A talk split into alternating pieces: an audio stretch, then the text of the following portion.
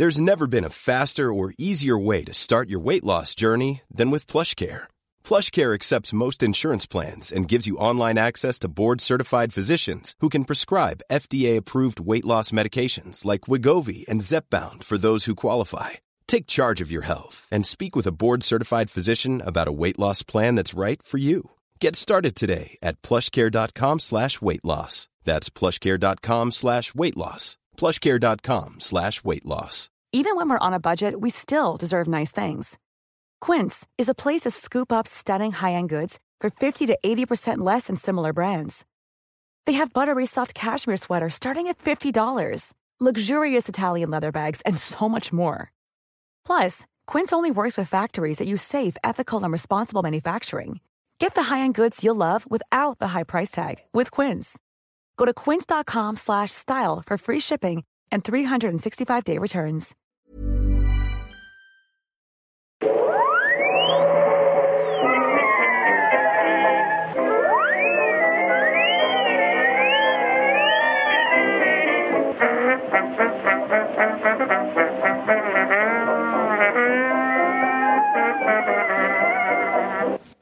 Då börjar jag i stort sett bara.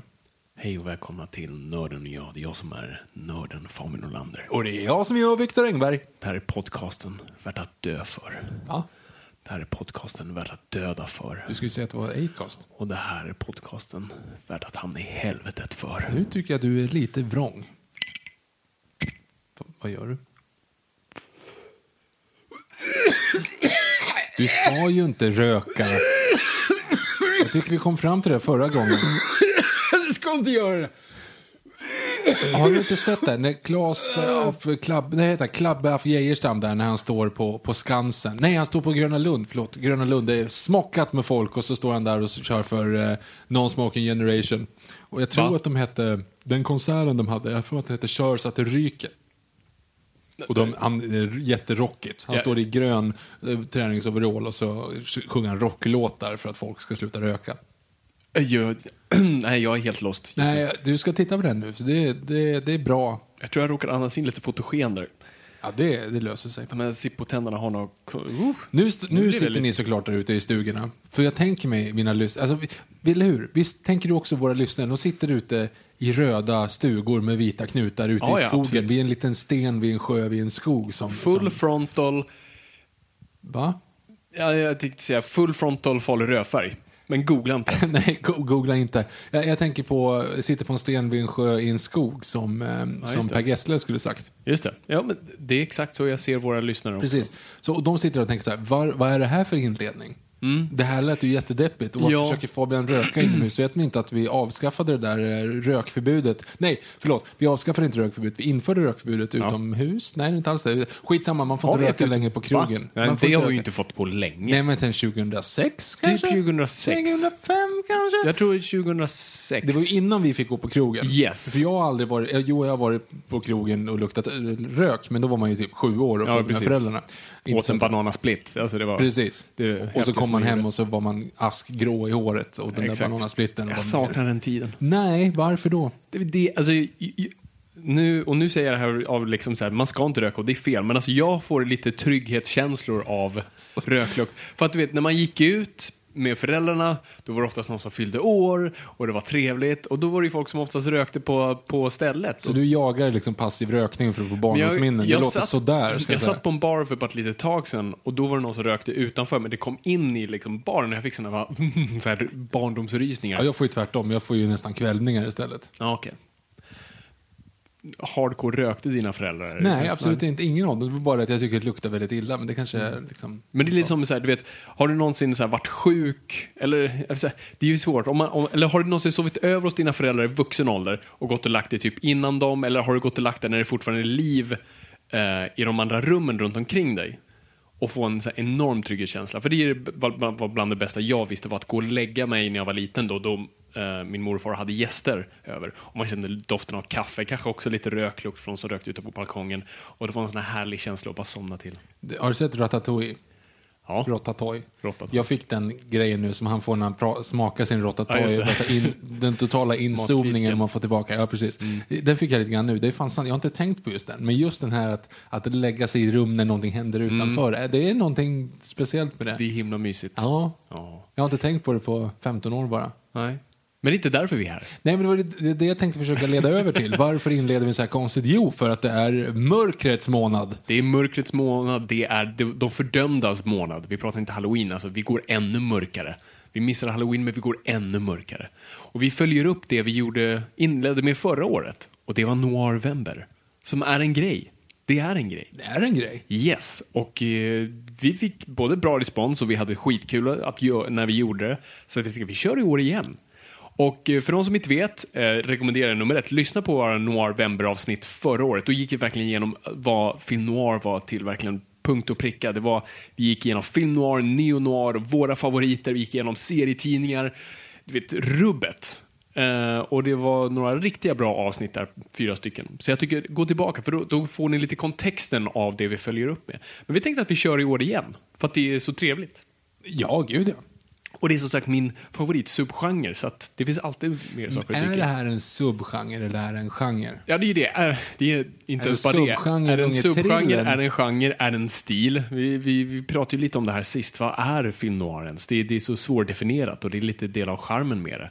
Men det är ju inte en riktig genre. Ingen går ju gör, alltså folk går ju medvetet in och gör en Action. westernfilm, en actionfilm, en komedi. Men ingen går medvetet in och gör en film noir.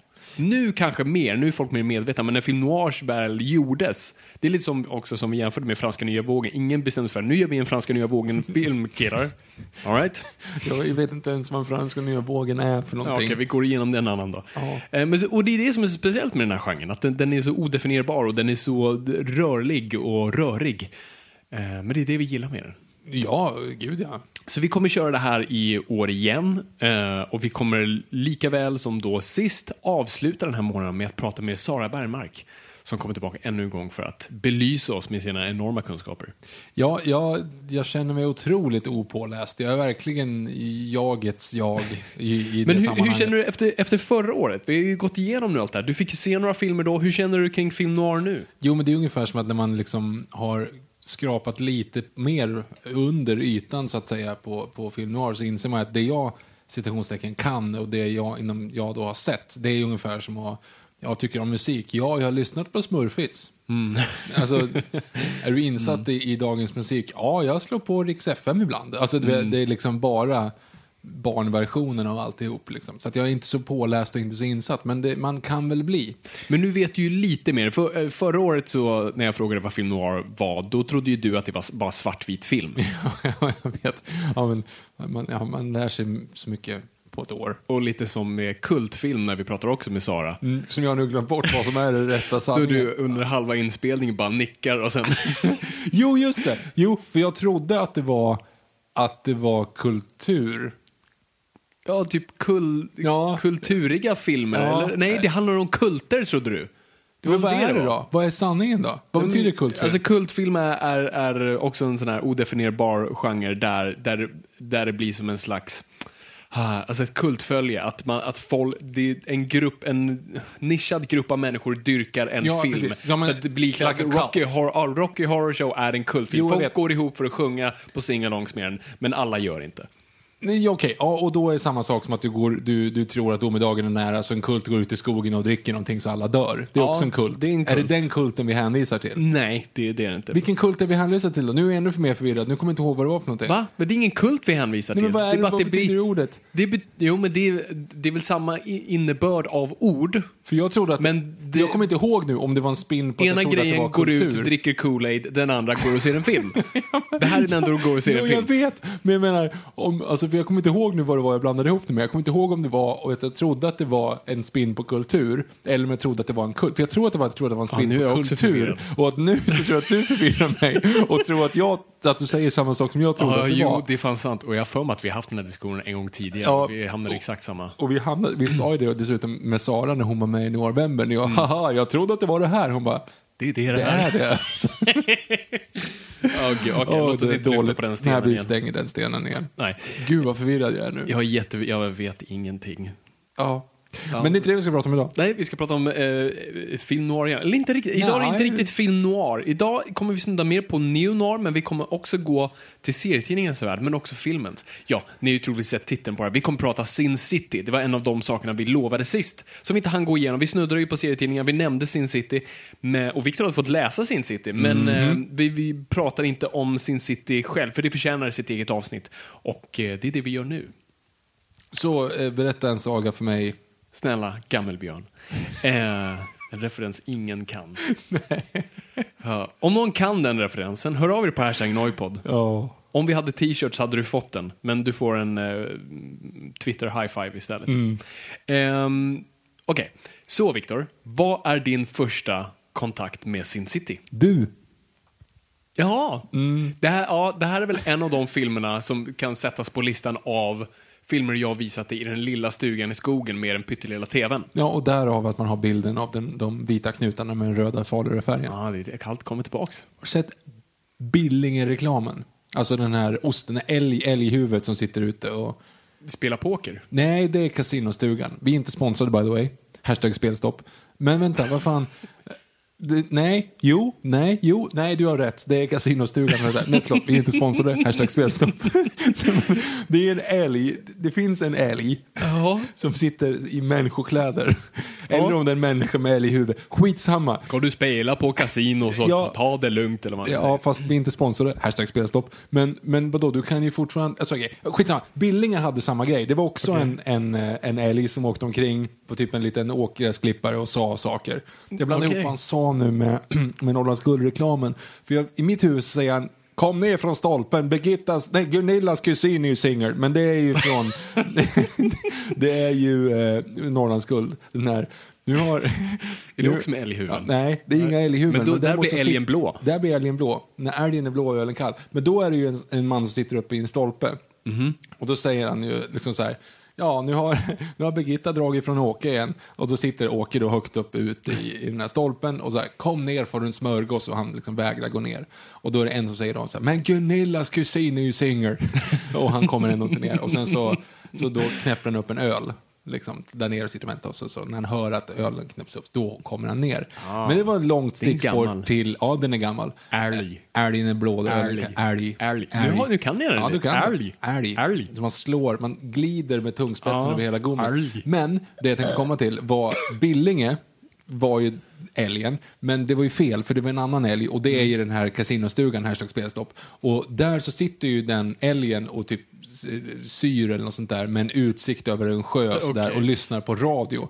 Och det är så jag tänker mig att våra lyssnare är. Jag tänker inte Ser att de är älgar. Nej, okej. Jag tänker inte att de är älgar, men att de sitter där och helst gungar lite grann på en gungstol. Och sy- för det är så jag hade velat lyssna på den här podden. Mm, Och nu har vi förolämpat våra lyssnare och spårat in oss så mycket så att de som slog på det här för att, kolla på sin, eller för att lyssna på sin city, de har stängt av. Ja, gud, så ja. nu är det tomt. Nu är det tomt. Ja, det är kul att prata i vakuum. Vi är vana. Viktor, din koppling första, okej, just det, precis, till Sin City var i en stuga med älghuvud. Mm? Nej, det var faktiskt inte ett älghuvud. Det är ju en uppstoppad gädda vi har där för övrigt. En, Det har ni. en 0,5 lång, 9,3 kilo. Boja! Oavsett det. ehm, förutom älgen, äh, Gäddan. så såg vi Sin City på en liten tv som var typ lika bred som den var lång. Det är ju mindre än vad en iPad skulle vara idag. Ja, det är det. Men den är större än vad en... Det finns ingenting som är så stort. Nej, men jag menar alltså hur, hur bred är den? Om du tänker själva lådan bakom. Det Ja, är, det. det är, alltså jag, kan säga, jag kan inte jämföra med någonting, för det finns ingenting som är så stort och Nope. klumpigt. Nej. Sen fem Sonos baslådor ungefär med en Där iPad fast tejpad på framsidan. Ja. Ehm, nu utdaterar vi den här podden också. Jo, och då såg vi den filmen och jag tyckte att den var hur cool som helst. Det är ändå Första bra, för du, för du har inte haft sån bra upplevelse av de filmer jag har visat dig i den. Adaptation och Brokeback Mountain. Eh, nej men och då i alla fall så, så, eh, så tyckte att den var hur cool som helst. Men jag tror också att jag vet inte riktigt, det, det här är ju precis, den här träffar ju precis så här 15-åriga Viktor och framförallt 15-åriga Fabian eh, s- mindset och då blir det ju så här någonting som är lite utanför boxen. Det här är inte smurfits, därför är det bra. Alltså så här, det, var, det är ungefär som man precis upptäckt Tarantino. Och det var lite grann så ja men Tarantino har faktiskt regisserat en av scenerna. Så what? what? ja, nu, nu älskar jag den här filmen oavsett om den Mm. är så här. Så att jag kommer ihåg att jag hittade ju nu, eller jag kommer inte ihåg att jag hittade den, men däremot så hittade jag min inloggning till mitt IMDB-konto här Wow. igår.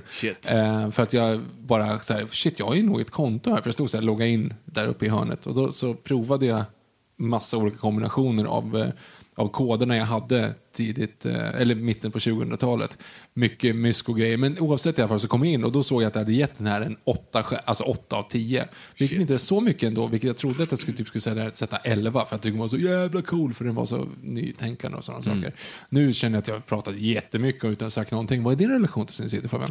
Nej, men det, det, är ju, det är ju innan du, eftersom jag tar med mig den, så jag var ju uppenbart redan frälst. Nej, men det var, jag hade inte läst Sin City, men jag var, hade precis börjat läsa serietidningen, så jag visste vem Frank Miller var. Eh, och Sin City kom och det såg bara coolt ut och det var coola skådespelare och jag och två vänner i grundskolan, det här är då alltså i eh, Nian. nian, ehm, går och ser den här och vi känner oss så smarta och så här, intellektuella så går och ser svartvit film med lite så smarta skämt i och så, ultravåld. Eh, och vi sitter där och bara köcklar eh, huvuden av oss där och tycker att det här är det bästa som någonsin gjort. Jag kommer ihåg att det här var så här, åh, det här är topp fem tror jag jag sa då, att det var topp fem bästa filmer jag sett. Och den bästa, och jag sa också det så här, det är den bästa filmen jag har sett på tio år. Så, Hallå, du är 15. Alltså, det var Bambi och det här. Vad är det för fel på dig? Bambi var rätt våldsam, förvisso. Bambi är hemskt. Bambi är värre än den här. Älskar det. Gud ja. Ehm, så det var, ja, så, så, så det var ju precis i min också så här, cineastålderperiod när det började väckas till liv och sånt där. Så jag var ju så, ah, jag älskar den här filmen. Och när den kom sen på DVD så köpte jag den här special, special edition eh, versionen som var två disk och där man kunde se Robert Rodriguez göra äh, äggtacos. Um, Va? Ja, han, det är tydligen en grej han gör. Nu äger jag bara äger jag flera av hans, det måste jag göra. Men i alla fall, i alla fall på hans special edition så gör han sån här, en matlagningsprogram. Så han lagar en ny rätt för varje DVD. Okej. Så att, eh, det kunde man se där. Men eh, hur så jag var helt frälst och det var ju inte långt efter jag köpte serietidningarna och läste dem och var också helt frälst. Så, äh, men Sin City är en stor del av min så här, tonår. Det var bland det coolaste som fanns då. Det var en riktig så här, rebellisk film. Man kände så här, ja, men det här, det här kan inte visa mamma och pappa, det här är för häftigt. Eh, Så vi tänker att vi lägger upp så här, jag pr- pratar lite först om serietidningarna. Och sen pratar vi om filmerna. Och framförallt, det vi tänker plocka upp bollen på var det vi pratade om förra året. Och det var att Victor skulle ha läst A Dame to Kill For, jag skulle se om A Dame to Kill For och så skulle vi se vart det gick fel någonstans. Precis. Om det gick fel. Det kanske inte gick fel. Vem vet? Så, men vi börjar i rätt ände. Så vad är Sin City för någonting? Ehm, så Sin City är, är skapelsen av Frank Miller. Och ni som lyssnar på podden lär vid det här laget veta vem Frank Miller är. Men ni som inte vet, vad har ni hållit hus? Det är inte han som dyrkar ormar. Nej, det var Alan Moore. Det är en andra. Det är den andra. Den här snubben diggar eh, alkohol, brudar och bilar. Det var, det var han ju. George Lucas, ja. Ja, jo, det, det är lite li, likt där faktiskt. Ehm, men ja, så Frank Miller, han är ju en, eh, och var en superstjärna i, inom serietidningar. Började, kom in väldigt ung, började eh, jobba för Marvel främst och eh, framförallt det han gjorde där var ju att återuppliva Daredevil. Som var ju den här karaktären ingen läste då och så kom han in och bara gjorde helt om, gjorde det framförallt noir, supermörkt, dystert, riktigt bara fatalistiskt och han skapade karaktären Elektra. Och eh, det blev hur stort som helst, så från en sån här bok som ingen köpte till liksom, en av de högsta, typ blev Spiderman. Så han blev en superstjärna väldigt fort. Eh, hoppade sen över till DC där han fick göra Batman. Han gjorde framförallt Dark Knight Returns och Batman Year One. Han, gjorde e han fick göra egna serier under DC-paraplyet, eh, Ronin bland annat. Han, han blev en sån superduperstjärna verkligen. Gjorde det största bästa och var hyllad för allt. Och alltså, han gjorde Dark Knight Returns när han var 29. Så han hade ju Ugh. liksom, ja precis, känn, på den. Aj. Ehm, men efter att ha gjort allt det där, så, alltså, som oftast kreatörer blir, så vill de bryta sig loss och göra sitt egna. Och det är oftast Fuck you, dad. Ja, lite exakt så. Och eh, sånt vill ju oftast inte de stora bolagen göra riktigt. De vill ju oftast hålla dem inom boxen. Så han bröt sig loss och med lite bittra ord om DC, som nu har läkt i alla fall. Och eh, han hoppar över till Dark Horse för att göra då sin helt egna sitt helt egna universum. Och det blir då Sin City. Det, är inte vad det kallas först, eh, men det är vad det blir. Och eh, det blir ju då hans plats där han får bara utforska de grejerna han gillar, framförallt film noir. Det är det han är uppvuxen på. Han älskar gamla Bogart-filmer och sånt där. Och det är det han vill återuppliva. Eh, men framförallt bara bygga, bygga allt kring den här staden Basin City, som jag då fel sa att han kom ifrån i film noir-avsnittet. För han sa det i en intervju, så jag bara tog det för det var sant. Jag förstod inte varför jag lyssnade på Frank Miller. Det finns, Ba- Basin City existerar inte. Nej, jag tyckte att det var konstigt. men, men jag, who am I to judge? Jag trodde inte Atlantic City fanns heller på riktigt. Atlantic City? Ja. Ja, för du tänkte på Atlantis då, eller? Nej, jag tänkte bara att det bara var här som hittar på. Alltså 555-nummer. Alltså Ja. att det bara är så här, de får inte säga Vegas av någon anledning så att de säger Atlantic City. Jag, visste inte att, jag trodde inte att Atlantic City Jaha, fanns på riktigt. typ en sån här eh, Grand Theft. Auto-stad. Ja, precis. Det är, det, det är den staden. Alla vet att det är Las Vegas vi pratar om, men vi Ja, säger precis. Atlantic City. Mm. Mm. Och det är alltså, vi snackar ett halvår sedan som jag förstod att Atlantic City fanns på riktigt. Va? Men det är ju hur många filmer och serier... Ja, men det, jag trodde att det var en go-to-grej när de inte kunde åka till Vegas.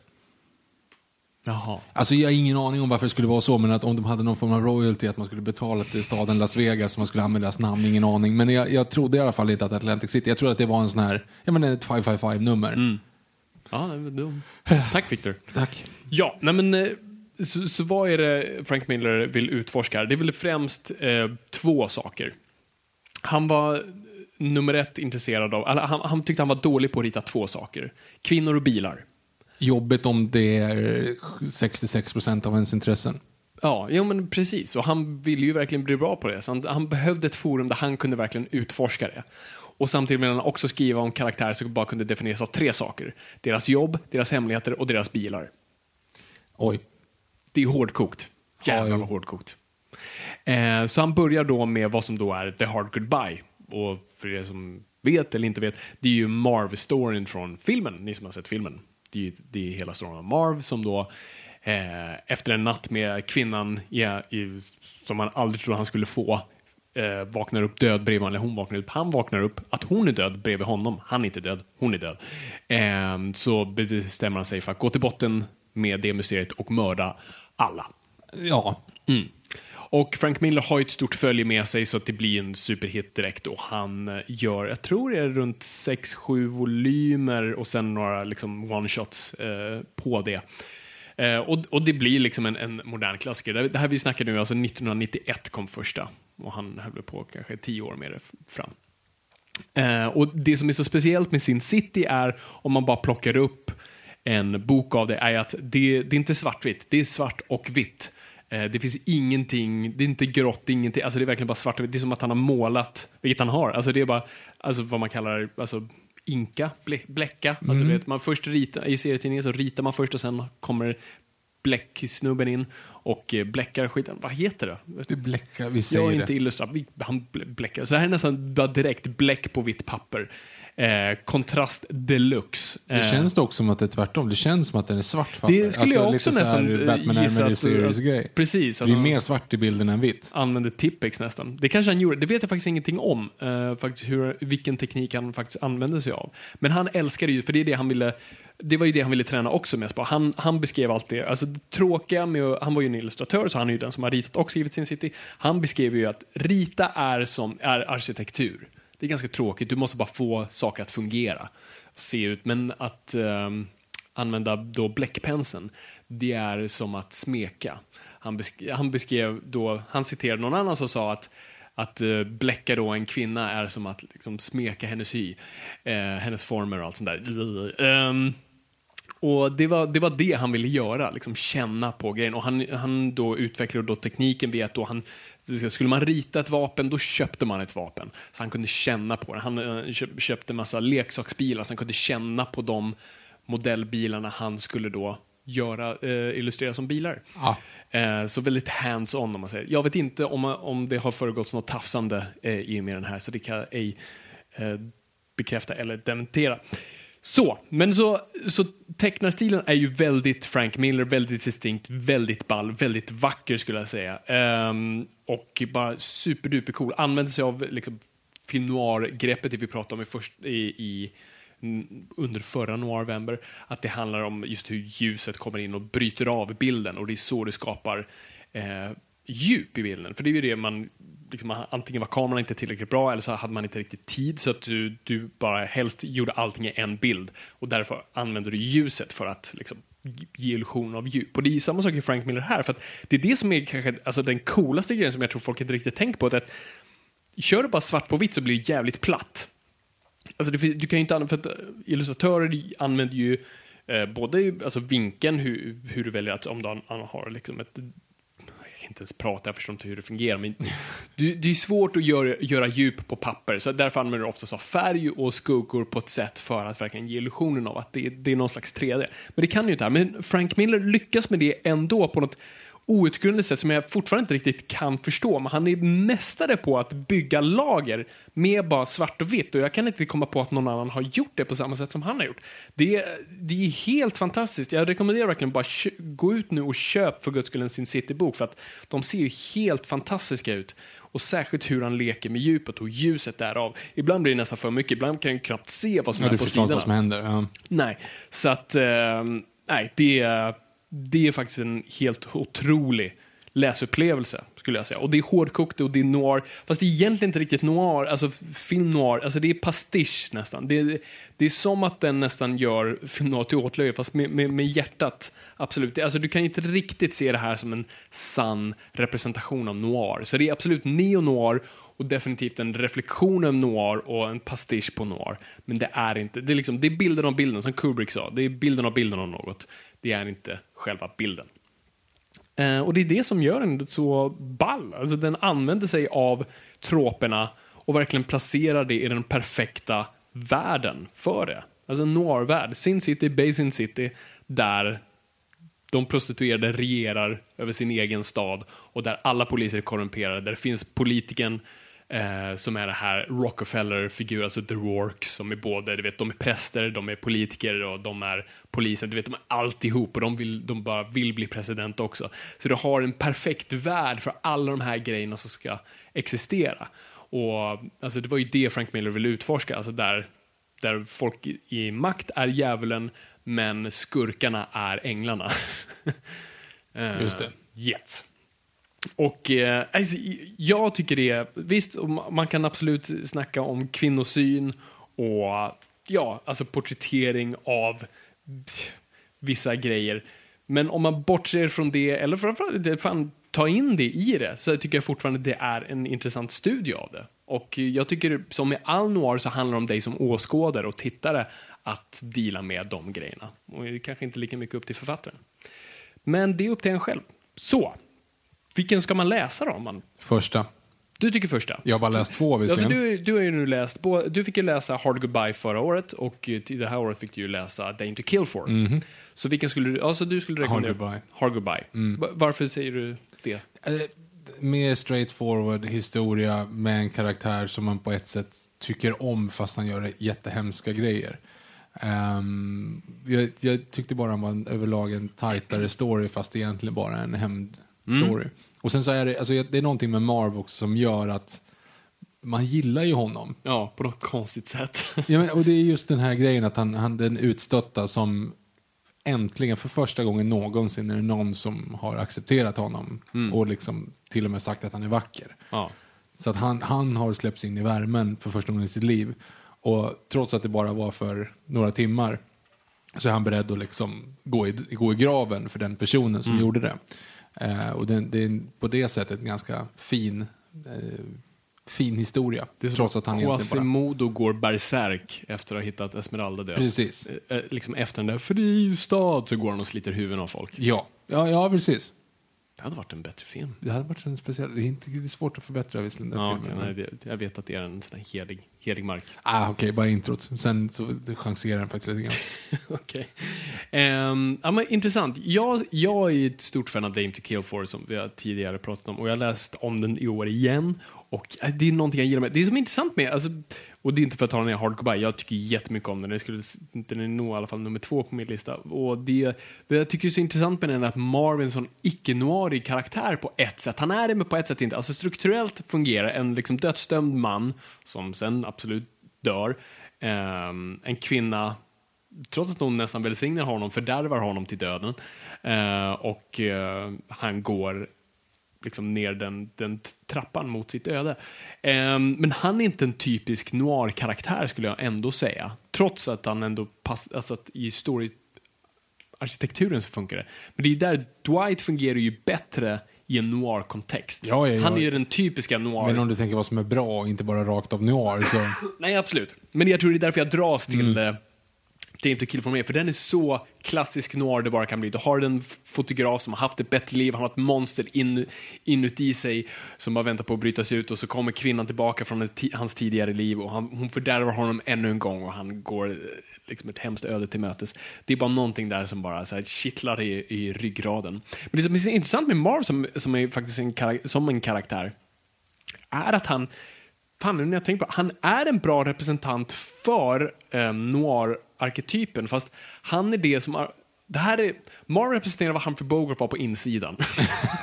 Okej. Eller alla de här, han är bara det, alltså, ut och invänd på något sätt. Vi ser nu det sanna ansiktet av en sån person och faktiskt dess äkta psyke. Fan, nu, nu blir jag eh, exalterad där. Det är fan sant. Alltså, han, han är ju en, den korrekta bilden av det på ett sätt. Och det är det jag tycker är så intressant med Noir. Och det är det också eh, som eh, jag tror Dwight eh, beskriver honom, om han bara hade det är inte Mars fel att han är som han är, han bara föddes in i fel tidsålder. Mm. Om han bara hade varit under romartiden eller vikingatiden och bara fått svinga en yxa så hade de bara kastat kvinnor på honom. Allting hade varit okej. Eh, och det är en kul grej att just då, han är fördömd att vara i en modern kontext där han inte eh, platsar. Och det är väl det film noir alltid handlar om. För att film noir handlar alltid om nature versus nurture. Att eh, oftast män med dessa djur- Höga byxor. med extremt höga byxor, med dessa djuriska sinnen och djuriska ehm, eh, driv, eh, drivkrafter eh, är i en modern värld där det inte längre platsar någon roll. Och det är därför de stängs in bakom höga hus och draperierna är våra eh, galler och till slut så bara måste de bryta sig ut. Då kan inte fortsätta sälja försäkringar. Nej, precis. Utan de, de måste ha den där kvinnan, de måste ha henne nu och de kommer mörda för det. Och Marv är en bra representant för det. Han är den bildliga representanten. Och därav fungerar det så perfekt i serierutan. Shit, Victor. Det är vi har... Det var inte meningen. du öppnar upp saker här. Shit. Nej men fan så, Hard Goodbye, grym. Den är skitbra. Eh, Dame to Kill for än en gång är, eh, är nog fortfarande min favorit, trots det jag precis sa. Eh, För jag bara gillar det straightforward noir i det. Och för er som inte har, har läst eller sett filmerna så kommer vi inte, ja, kommer inte spoila så hårt. Men, men det, det handlar om att Dame to Kill for handlar ju då om en man som, eh, som Fabian beskriver då, han, han fotograferar typ eh, otrohetsaffärer for a living. Han, han har chanserat ganska rejält och han pratar om det där inre monstret han har inom sig som kommer att eh, han, han vill inte släppa ut det. Så att en, när han har en av de här grejerna som han har gjort har gått lite fel för att det visar sig att eh, den här mannen han skulle fotografera som skulle då ha sex med prostituerad, hans fru hade skickat ut honom på det här uppdraget. Han visar att han försöker döda den här prostituerade så han bryter in, Dwight då, bryter in och eh, hindrar alltihop. Och sen så efteråt så får han, han vet inte om, om det är ånger eller någonting, det är någonting vad han får inom sig det här djuret så han måste stanna sin bil och bara liksom så här, han är liv, han åker ut och bara kör någonstans för att han, han är rädd för det här djuret för att, inte, för att inte djuret ska komma ut så man vet inte riktigt vad det där djuret är för någonting. Eh, så man vet att det finns någonting inom honom. Och sen då så, ringer, så kommer han hem och då ringer hans telefon och då är det då en kvinna som han uppenbart helt ointresserad av att träffa. Han säger verkligen så här, det här, helvete, jag hatar den här eh, bruden. Och hon ringer och säger så här, kan inte vi träffas? Och han säger bara nej, nej, nej, nej, nej, nej. Och sen ändå så åker de och träffar henne. Och när de träffas så säger han nej, nej, nej, nej, nej, nej. Och sen så händer det en grej som gör att han, okej. Och sen så blir han besatt av henne igen. Och man förstår hatet men ändå så är det någonting i henne. Hon ber honom om, om att göra saker som han dras in i. Och sen så går det slippery slope helt enkelt. Ja, och så slutar det i en, i en hämndhistoria. Behöver inte säga vart det är riktat någonstans. Nej, men det är klassisk noir. Precis. I, i, den, i, den bästa av världar. Och jag vet inte, den funkar så bra på seriesidorna. Och kanske inte lika bra i filmrutan. Vi kommer tillbaka till det. Men jag tycker det är en så här... Mm, den, den Det är ju egentligen storyn i Double Indemnity. Ja, nej, men alltså, alltså många noir stories. Absolut. Det, är, det är väldigt likt. För, det, för hon vill, hon, det, det hon vill honom att han ska göra då är ju att hon har gift om sig och hon vill att han ska döda hans man. Eller Precis. hennes man. Och Och, det är ju det, Double Indemnity är ju samma sak, det är ju samma story. Precis. Bortsett från att de inte känner varandra innan. Och, och Precis, men den... men, det är, men det är den klassiska, att mörda fan fatalens man är ju en sån Mm. klassisk trop som är, ja, as old as time. Som, a tale as old as time, som Disney skulle ha sagt. Precis. Men sen vill jag också bara slänga in eh, That Yellow Bastard. är också en... Och, så det här är topp tre. Det är typ de tre första tror jag. Kanske en, nej det är en emellan. Så det, det, eh, Yellow Bastard var nummer fyra. Eh, Som också är med första filmen då. Precis, det är hela Bruce Willis-storyn. Och det här är kanske den bäst tecknade, skulle jag säga. Det här är, det här är också den fetaste boken. Ehm, men den tycker jag, det här, får, här experimenterar nästan Frank Miller som mest. Och eh, han, jag tror inte ens han slutar på cliffhangers här. Han bara liksom, han bara köttar här, eh, storyn, och är så inslukad i den. Eh, och den är bara ofantligt vackert tecknad. Och här börjar vi ju med färgklickarna. Eh, i, de, I de två första här, jag tror till och med i tredje så har du inte heller några färgklickar. Men i Yellow Bastard så kommer de första färgklickarna in som, som blev lite mer vanliga senare i, i böckerna. Och det är ju då såklart eh, i titelkaraktären The Yellow Bastard är gul. och eh, det ger man cool, häftig liten kontrast. Men den tycker jag bara är det, det är ju inte heller liksom, är en, är en, det är inte en klassisk noir-story egentligen, men den används sig av arketyperna och här har den hårdkokta polisen eh, som också egentligen ska inte direkt tillbaka för hem, men tillbaka bara för att rädda någon. Så det, det, det är en intressant spin på den storyn. Men eh, bara för själva konsten så är den fantastisk att titta på. Mm. Hur många blev det sist? Ja, men som sagt, det blev typ... Gud, hur många är det? Det är alltså... Hur många har du läst? Jag har läst sex av dem. Så säg att det är sju, sju stories och sen är det en massa eh, one-shot som man kallar det. Okej. Ehm, och eh, Frank Miller har funderat på också att komma tillbaka till det. Han vill göra nu en western.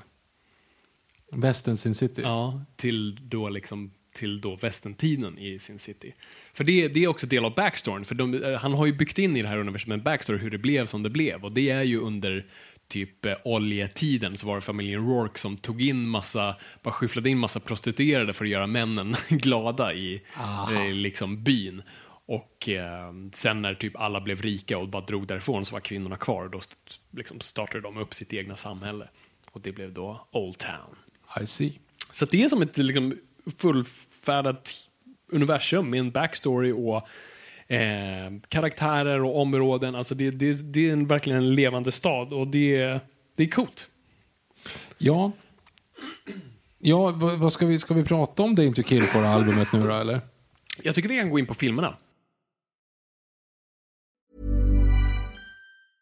Mother's Day is around the corner. Find the perfect gift for the mom in your life with a stunning piece of jewelry from Blue Nile. From timeless pearls to dazzling gemstones, Blue Nile has something she'll adore. Need it fast? Most items can ship overnight. Plus, enjoy guaranteed free shipping and returns. Don't miss our special Mother's Day deals. Save big on the season's most beautiful trends. For a limited time, get up to 50% off by going to Blue BlueNile.com.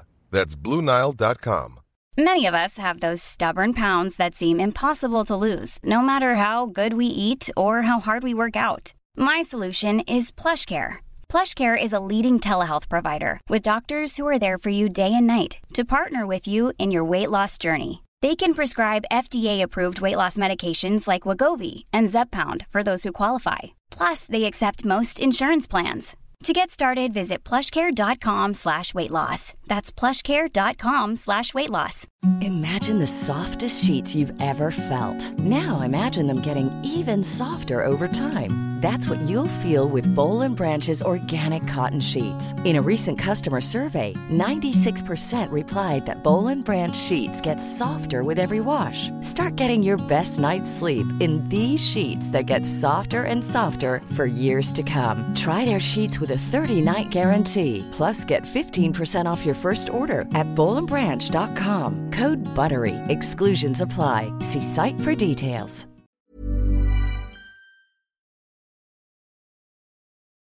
Men vi går in på filmerna, för eh, det, det är det jag tror de flesta känner till det via och de flesta som har sett och jag tror de flesta som såg den när den kom så var det nog lite samma upplevelse som du och jag.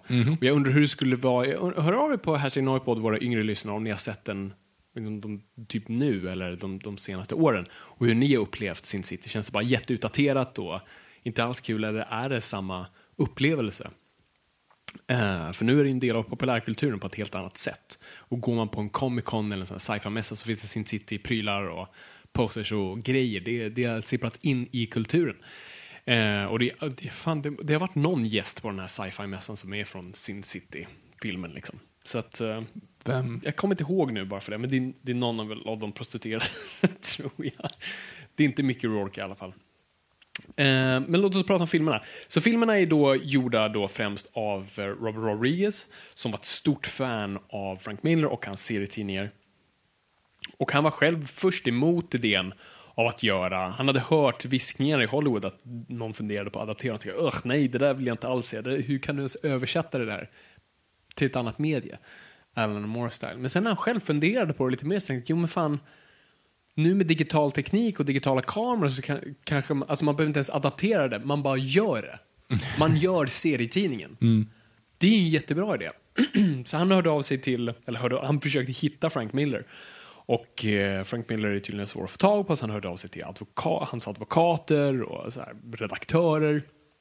Men Frank Miller bara duckade honom hela tiden. Han var inte intresserad av en adaption. För att Sin City var hans liksom, bästa barn. Han ville inte att någon skulle röra det. Det var det, äntligen det han hade för sig själv. Hela hans karriär hade han jobbat för andra, på andras grejer. Sin City var hans eget. Eh, och ingen skulle få röra det. Men så Robert Rodriguez blev till slut så desperat så han bara, okej, jag gör så här. Jag, jag bara skjuter, jag skjuter lite film. Eller digitalt. Eh, och sen bara visar honom. Och det är den här Josh Hartnett-prologen. Ja. Det är alltså, det, hela den sekvensen är ju typ skjuten ett år innan resten av filmen. Så han bara ringde de två skådisarna. Hej, vill ni bara komma, komma ner till en green screen och bara skjuta den här scenen? Och de sa absolut. Eh, och så gjorde de det typ på en dag.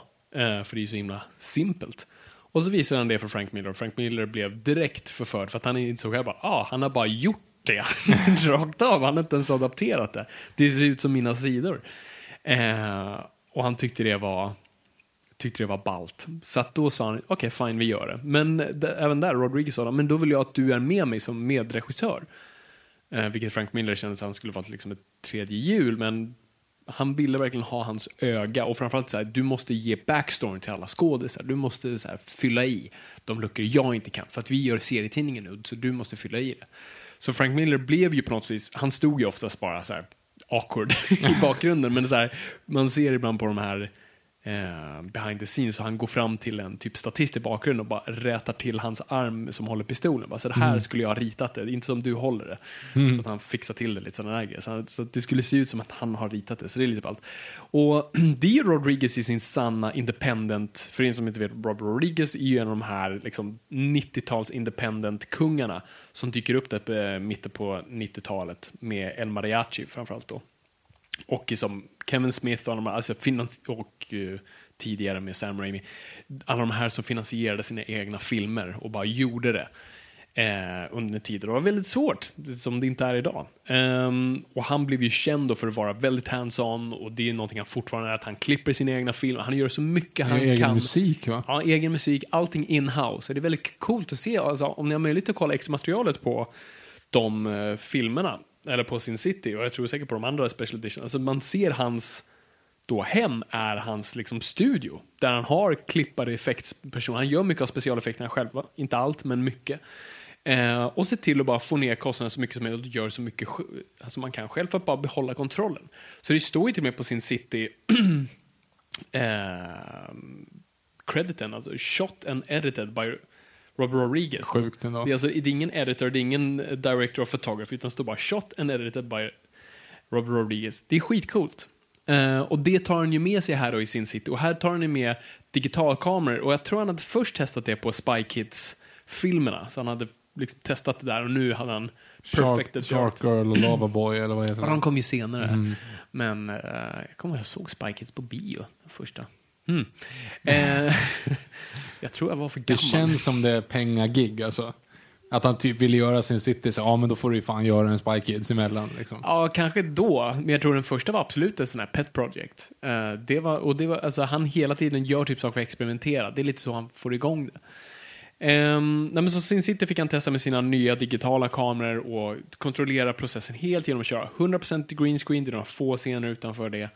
Eh, med Frank Miller med sig, med också Quentin Tarantino som vi nämnde. Han fick ju då komma in som eh, en eh, specialregissör. Och jag kommer ihåg när man Liksom, det här var ju lite innan man använde internet på ett sätt man gör idag. Så att jag kommer ihåg att man satt på sina kompisar och bara spekulerade på vilken scen kan det vara som Tarantino regisserade. Och jag gissade faktiskt rätt att det måste vara den där bilscenen. Med Den, den är ju mest Tarantinoig av Ja. alla andra scener i och med att det är typ den enda där de faktiskt sitter still. Typ. Precis, och den sticker ut väldigt weird. Man märker att regin går åt ett litet annat håll för den blir så, den är ju weird redan som den är med att en död person pratar med dem. Men De- Del Toro går ju full weirdness, vilket han är van vid att göra. Det är nästan honeymoon.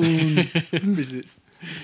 Ehm, och alltså det, så, det är en fascinerande film bara, det- ren processen. Och, och jag beundrar den som satan. Och han lyckades ju få in alla liksom, de största skådespelarna av sin tid. Men det är helt sjukt. Alltså, det är ju Real Madrids versionen av film. Det är Oceans Eleven, det är eh, Edsbyn bandy tidigt 2000-tal. Mm. Alltså det är ju helt jävla galet. Det är ju bara A-list skådisar.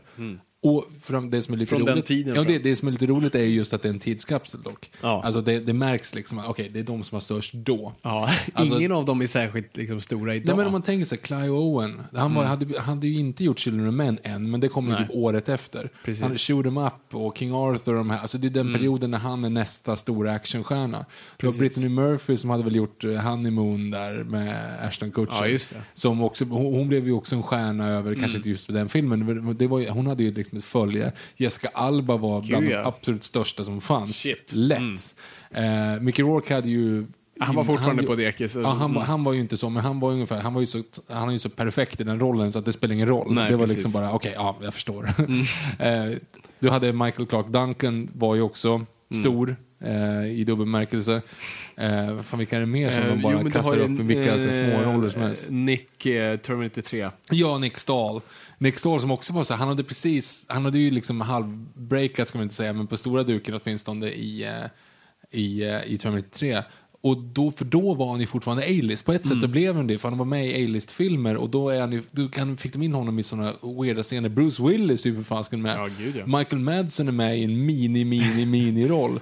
Ja. Eh, du har Rosario Dawson, vet jag inte riktigt vad hon hade gjort då visserligen. Men alltså, vet du, all- det är typ så här, du känner igen var, varenda person, även i bakgrunden, känner du typ igen. De har Mm. Ja. varit med i fler filmer. Vilket man, det, det är ju jätteovanligt. Oftast när du scrollar igenom IMDB så tar det liksom, du första tre, första fyra, första fem kanske, känner Mm. du igen. Och sen någon lite längre ner som säger, ja den här har varit med i någonting. Men sen är det bara okända. Här känner du igen varenda namn typ. Kände du igen eh, Nick Offerman? Nej, det gjorde jag inte. Jag, nej, det gjorde jag inte. Det- Jag visste inte, så jag kollade IMDB idag. Mm. Va? Var han med? Ja, han är ju de här, oh, gud, no, Mr. Schlub och Mr. Blue. Alltså Ja, de här som precis. pratar i nästan Shakespeare, Shakespeare-snack. Mm. Eh, och han är ju den där blonda skäggiga som inte säger särskilt mycket. Ja, det är...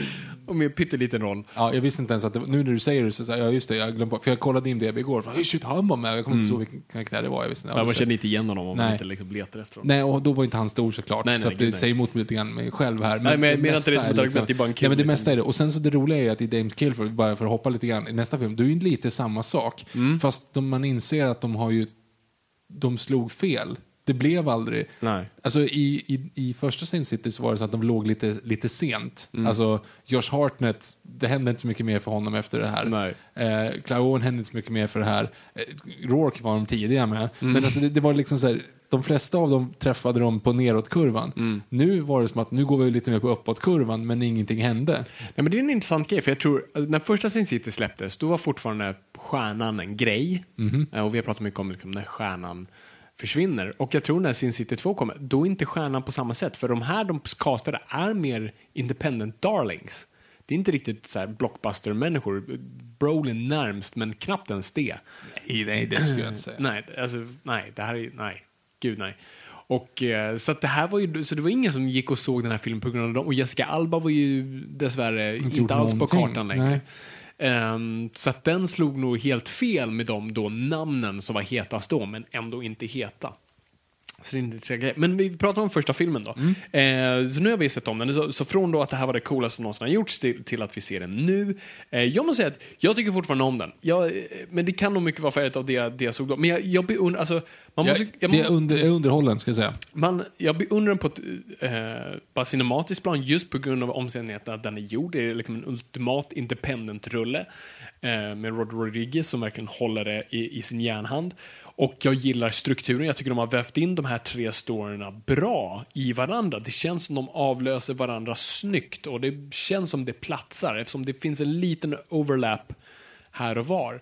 Och eh, jag tycker det funkar, så den håller ett bra tempo. Och det gör den nog främst tror jag med Josh Hartnett-delen. Bara först sätter upp lite så här, vad det här är för slags, okej det här är film noir, det här är, okej nu fattar jag lite vad det här är. Och sen klipper vi ju då till... eh, Marv. nej, sen, sen är det Nej, ju... sen är Bruce ju för fan. Precis. Han är, Och den är ju tjejen. så hårdkokt noir så det nästan blir klyschigt. Men där den också bara sätter lite ribban. Okej, vad med? För att allt det Michael Madsen säger är, det är en hemsk dialog. Han, säger, han kan knappt ens leverera det själv. Jag kommer Mm. inte ihåg när jag såg det för första gången bara, åh vad krystat det här låter. Det är inte bara exposition, pratar bara Mm. om hans hjärta och allt sånt där. Men, och vi får lite hur löjlig den här världen är. För när Bruce Willis skjuter av de här två första kulorna på två snubbar så kom, flyger de iväg. Mhm. Eh, när han, liksom, han kan träffa perfekt i örat på Nick eh, Stahl. Stahl. Mm. Och Kasta sen, humrar. ja, just det, det var det. Nej, det var väl... Det är for long, det är förlåt. Det är fel, eh, Fel, fel John Connor. Fel John Connor. han Just bara, det. Nick Stahl bara försvann typ Nick spårlöst ett tag. Stahl knarkade ner sig och försvann. Och eh, Edward Furlong kastade humrar. Och knarkade ner sig. Och knarkade ner sig. Så. Mm. Och eh, Christian Bale skäller ut statister. Ja, vad har, vem var nu, vem var John Connor i Junjush? Han är som är med i Her Confidence. Mm? Ehm, men, åh gud, vad heter den? Den heter inte... Den heter inte det. Den heter Zero Dark 30. Mhm. Ja, men gud, vad heter han nu? Ja, jag har ingen aning vad han heter. Jag blandar ihop honom alltid med en annan som jag inte kan namnet på just nu. Då är det svårt. Så jag är lite, ja, skitsamma. Let's go, poddminnet ännu en gång. Ja. Eh, fan kom jag in på det? Ja, John Connors. Skitsamma. Nej, men du vet, den är så absurd den inledningen. Så den, den också bara etablerar väldigt bra vad, vad det här är för någonting. Så sen när vi kommer till Marv som är verkligen så over the top, då är vi så här, ja, ja, ja, det är okej. Jag är på Han, tåget. han kan hoppa med fötterna fram rakt in i en polisbil och knocka ut två poliser samtidigt. Japp, jag är med. Eh, så där tycker jag den, den på ett väldigt smart och långsamt sätt bara etablerar både värld, karaktär och eh, tempo och känsla. Så att vi är med på resan då. Ehm, och jag tycker bara, jag tycker den funkar bra. Den är tät, den är snygg. Och den är, eh, jag vet inte, jag bara gillar den. Alltså nu när man har sett mer film efter, alltså då var det en helt annan grej. Man har sett mer film, man ser referenser, man läser serietidningar så här. Nej, den här uppfinner inte hjulet igen, men det är jävligt kul.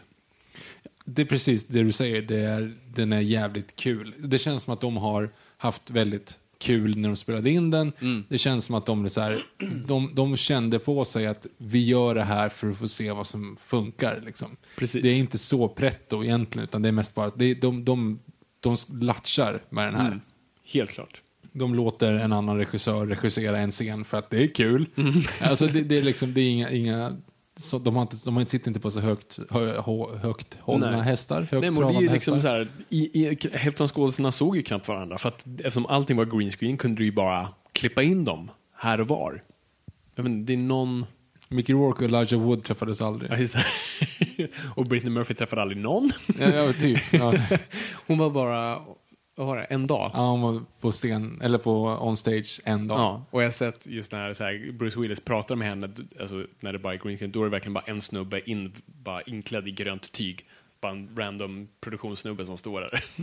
för att de kunde göra det, och det är väl därför de lyckades få in alla de här stjärnorna typ under samma, för du behövde inte tajma. Det är ju oftast det svåra när du gör film, det är att tajma dina skådisar, att få in dem under rätt tillfälle och så, ja, den här schemat måste matcha med det här och jada, jada, jada. Och de måste matcha med varandra.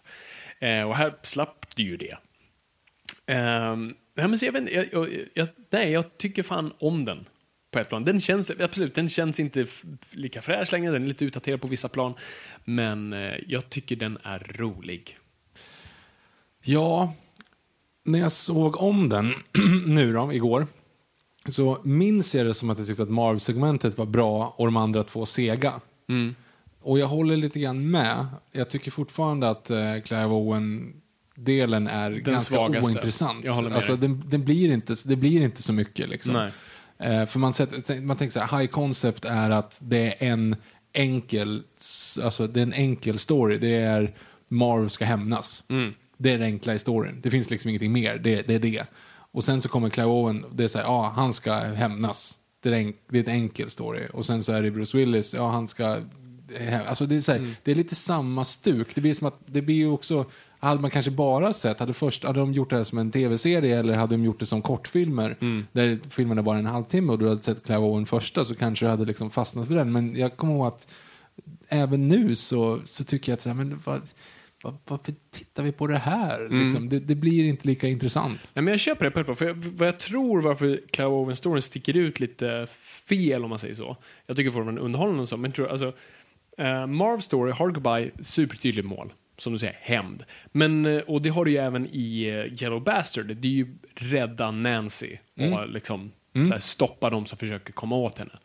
Ehm, simpelt. Men i eh, The Big Fat Kill, s- som, som den heter, är ju, ha, har ju en väldigt delad handling. Först tror man att det handlar om en sak, alltså, eller det handlar inte egentligen om någonting. Han ska typ stoppa Benicio del Toro, men sen så, ja, han dödas och visas att han är polis, han måste undanröja, du vet, det är väldigt många delar av det. Vi vet aldrig vad vad Clive Owens karaktärs mål är, nu är det lite dramaturgerna i mig, men han har ju egentligen inga mål bara- han ska förutom... bara sopa igen sina Precis, spår, och typ. det är egentligen inget inre mål i det mer än bara externt sådant. Och jag säger inte att det är det som är fel, men det är därför man undermedvetet oftast inte kanske känner på så här, "Uh", För jag kommer på mig själv också, lite som du säger, alltså varje gång Lite varje gång, men jag kommer ihåg när jag såg den väldigt ofta när jag var ung, för jag såg den väldigt mycket. Och nu när jag såg den, när man kommer in på Clive Owen, så bara, ah just det. Alltså man blir, man säger, ah just det, nu den här tiden. Det som För jag hade ju glömt del- bort hela dinosauriegrejen.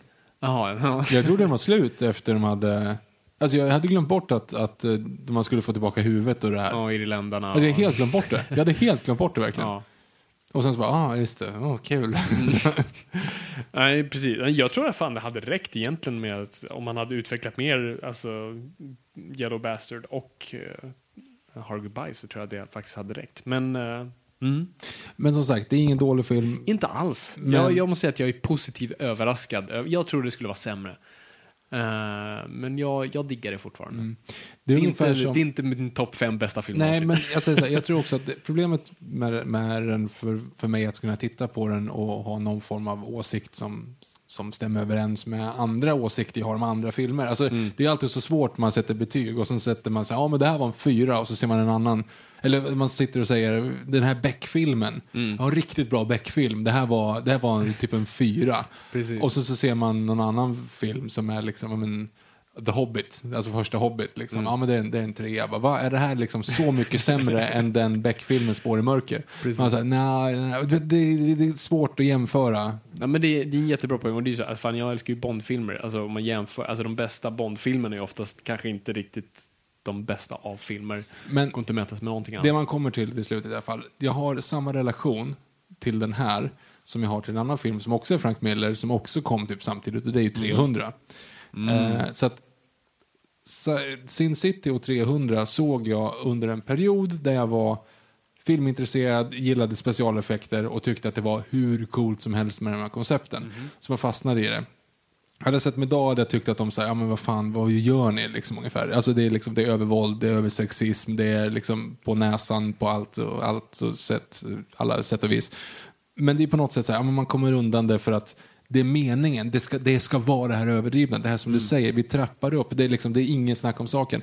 För övrigt, en, en av favorit-trivia-grejen som du brukar dra ganska ofta, ljuddesignen på Indiana Jones som frågar ramlar hatten någonsin av Indiana Jones? Att de säger nej, ja men då så, bra, då lägger vi liksom, vi lägger kanonljud på pistolerna. Så här, för att vi, det, allting är, det är inte verkligt utan det är liksom en, en annan typ av verklighet.